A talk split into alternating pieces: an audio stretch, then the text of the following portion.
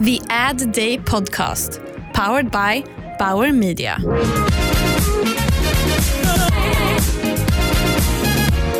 Hej och välkommen till Ad Day-podden som produceras av Bauer Media. Mitt namn är Louise Pettersson och jag läser strategisk kommunikation på Bergs här i Stockholm. Jag kommer idag att träffa ett antal inspiratörer och prata om vad mod och att våga innebär för dem i deras verksamheter. Nu sitter jag här i Bauers bås tillsammans med Johannes Kullberg som är VD och grundare på livsmedelskedjan Paradiset. Välkommen Johannes och tack så mycket för att du har tagit dig tid att prata med oss här idag. Tack för att jag fick komma. När vi läste varumärkesstrategi eh, i skolan så fick vi jobba med en modell som gick ut på att eh, vi skulle beskriva varumärken som personer.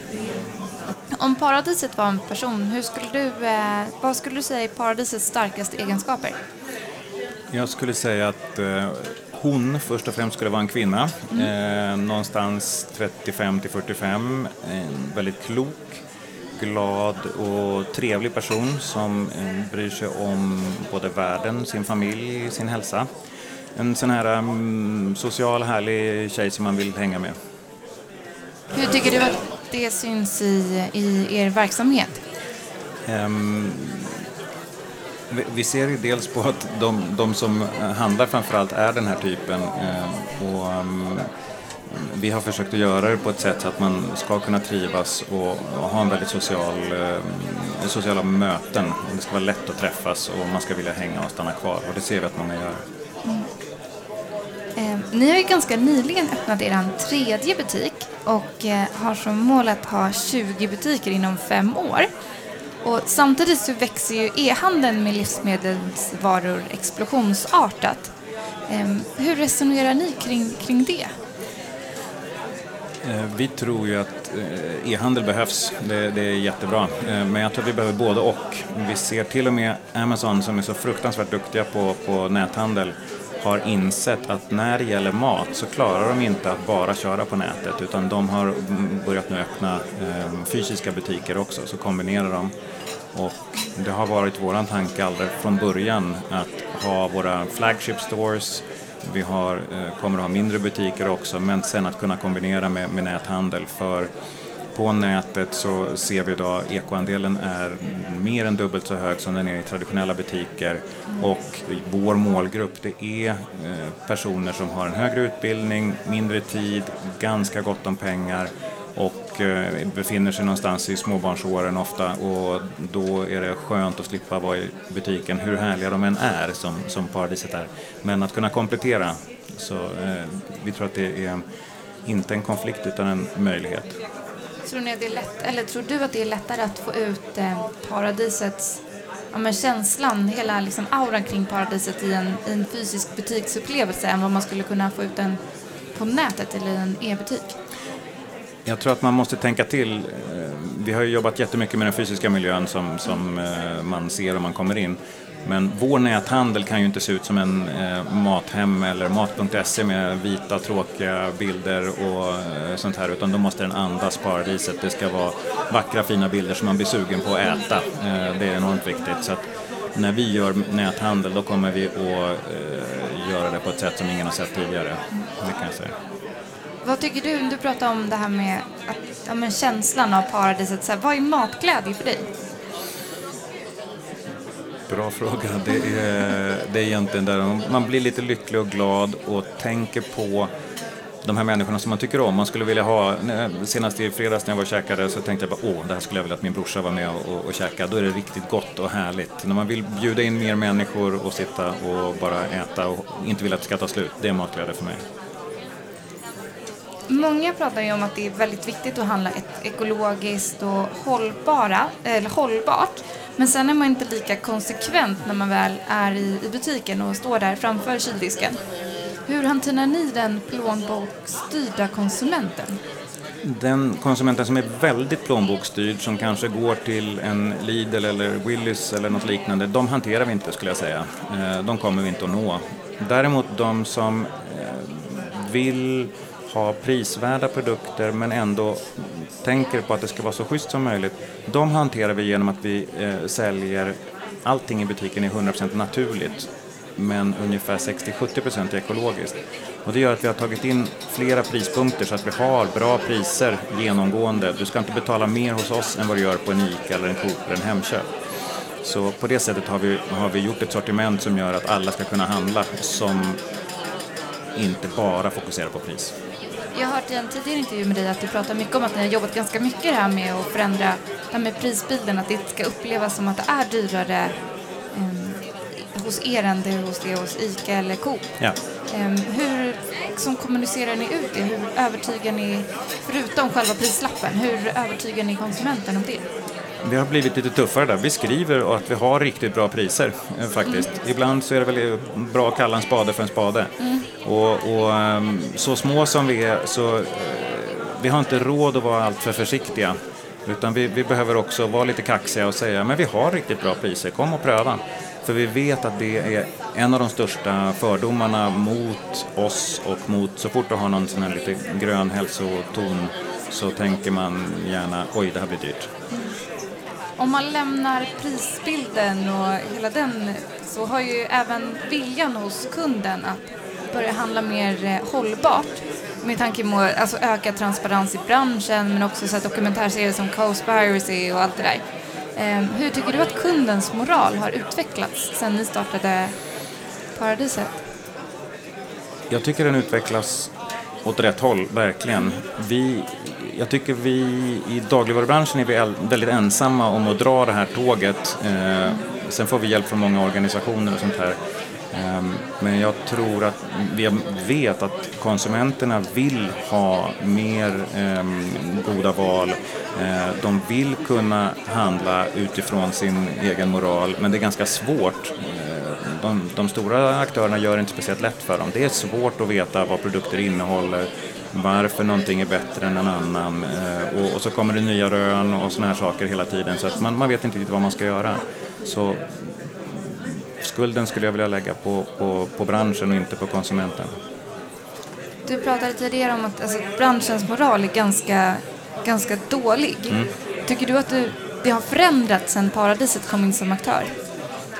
vi, vi är ju, ska man komma ihåg, en liten skitaktör. Vi har nu tre butiker, vi har funnits i snart två år.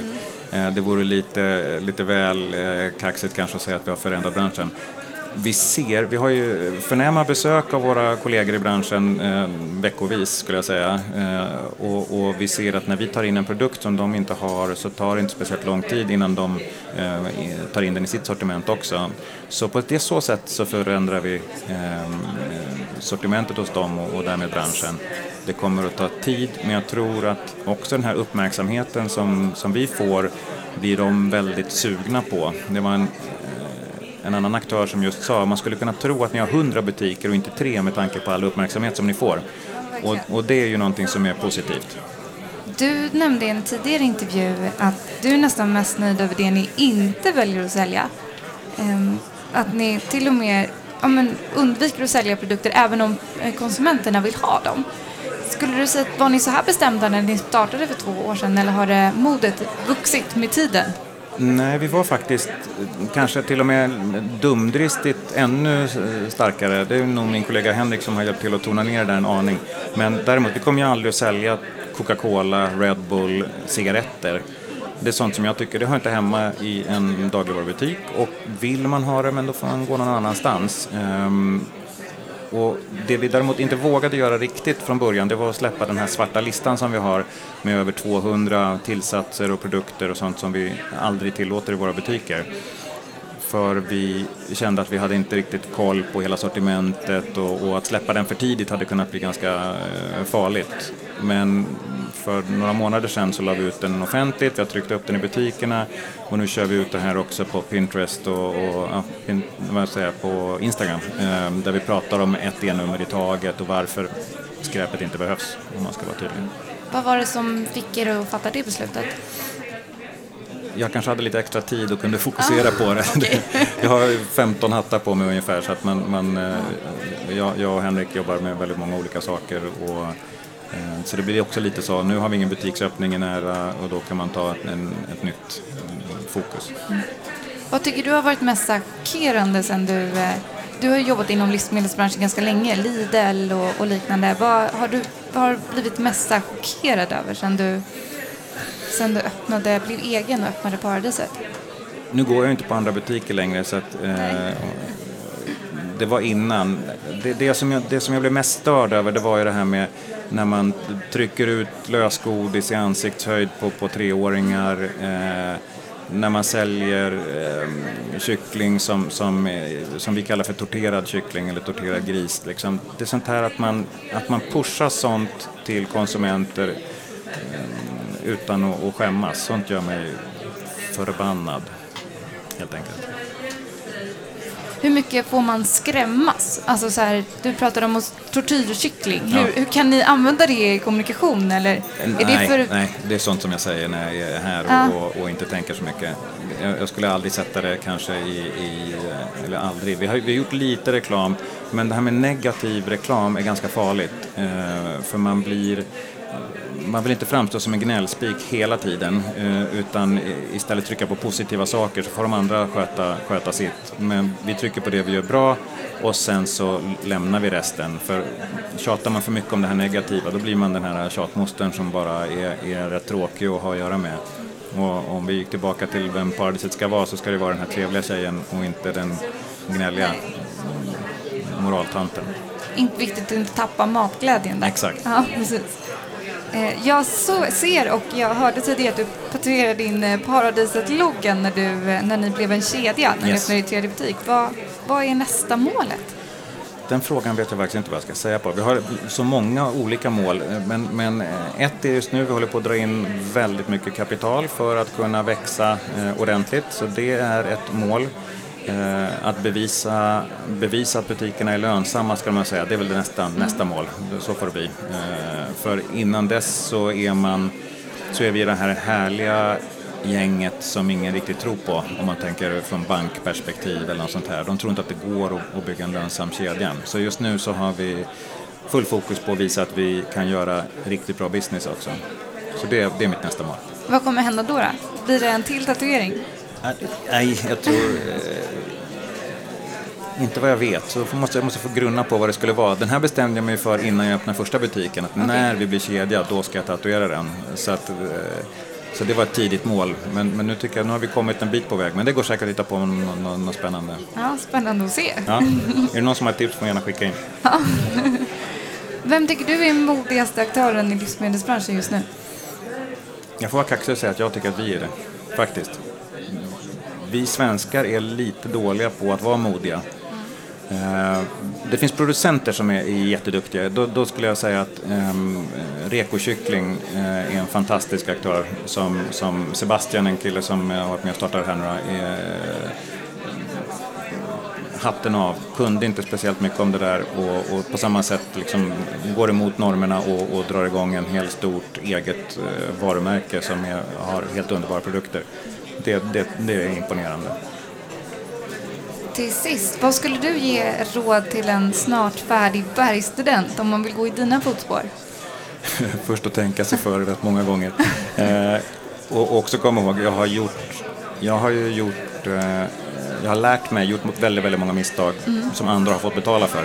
Lidl betalade för rätt mycket dumheter som jag hittade på där eh, och, och, det är viktigt att få eh, lära sig. Men också att inte vara för försiktig. Mitt devis är eh, hellre skapligt idag än vetenskapligt imorgon.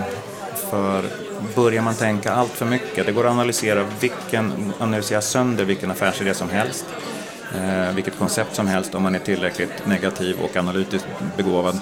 Eh, så bästa är bara att köra. Man lär sig medan man håller på och, och, kanske inte börja med det allra största, mest kapitalkrävande projektet utan ta någonting som är lite, lite enklare och sen ha kul. Tusen tack Johannes, det var jätteroligt att prata med dig. Hoppas du får en fortsatt trevlig dag. Tack så mycket. Tack.